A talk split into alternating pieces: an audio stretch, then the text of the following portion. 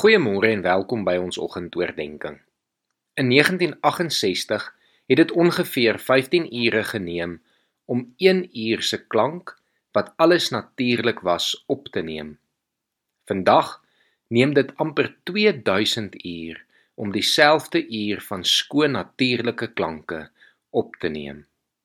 Ons hoor die laaste klomp jare baie oor lugbesoedeling, waterbesoedeling ensovoorts maar ons hoor waarskynlik te min van geraasbesoedeling. Ons wêreld is aan die raas. Ons sukkel om stilte te kry.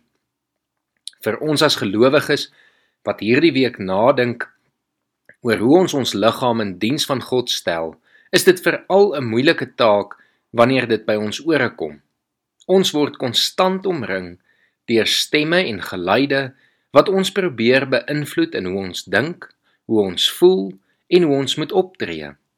Deur die loop van meeste van ons se dae is die radio in die kar aan die gang, die TV by die huis.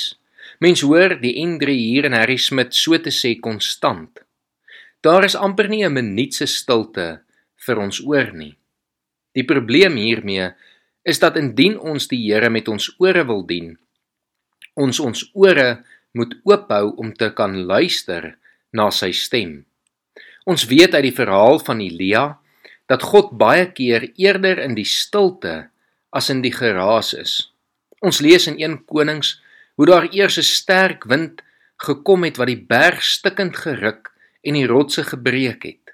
Maar in die wind was die Here nie. Na die wind was daar 'n aardbewing, maar ook in die aardbewing was die Here nie.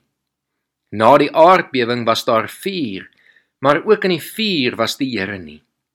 Drie dinge wat gepaard gaan met baie geluide en groot geraas.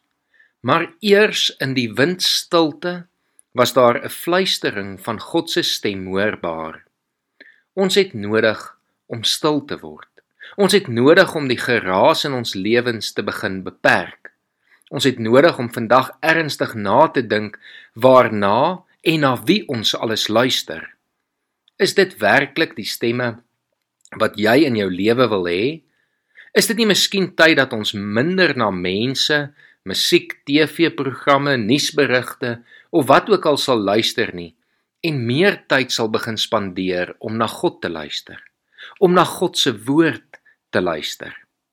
Ons kan die Here net met ons ore dien as ons ore ingestel is om na hom te luister.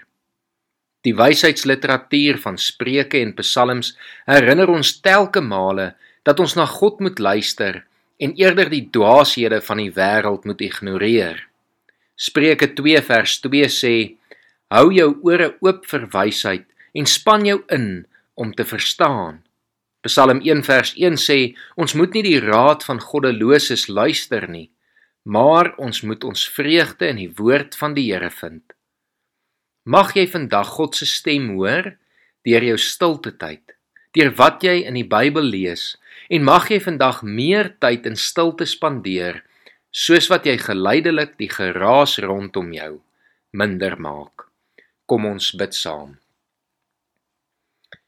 Here baie dankie dat U vir ons ore gegee het. Here dankie dat ons ook met ons ore U kan dien. Dat ons na U kan luister, Here. Dankie dat U dit ook vir ons gun om tyd in stilte te kan spandeer, om in die stilte na die fluistering van U stem te kan luister. Here, dit is vandag 'n moeilike taak. Here, U weet hoeveel geluide daar rondom ons is. U weet hoeveel stemme daar is wat ons probeer beïnvloed. Maar Here, vanoggend kom bid ons en ons kom vra dat U ons sal help om ten spyte van dit alles by U stil te kan word, Here om ons ore op U ingestel te hou sodat ons sal hoor dit wat U vir ons wil sê. Here ons kom vra dat U deur U woord met ons sal praat, dat ons dit sal hoor, dat ons dit daarna sal luister en dat ons ook dit sal gehoorsaam. Here, dankie dat ons hierdie van U kan vra en dankie dat ons ook U op hierdie wyse kan dien. Ons bid dit in Jesus Christus se naam alleen. Amen.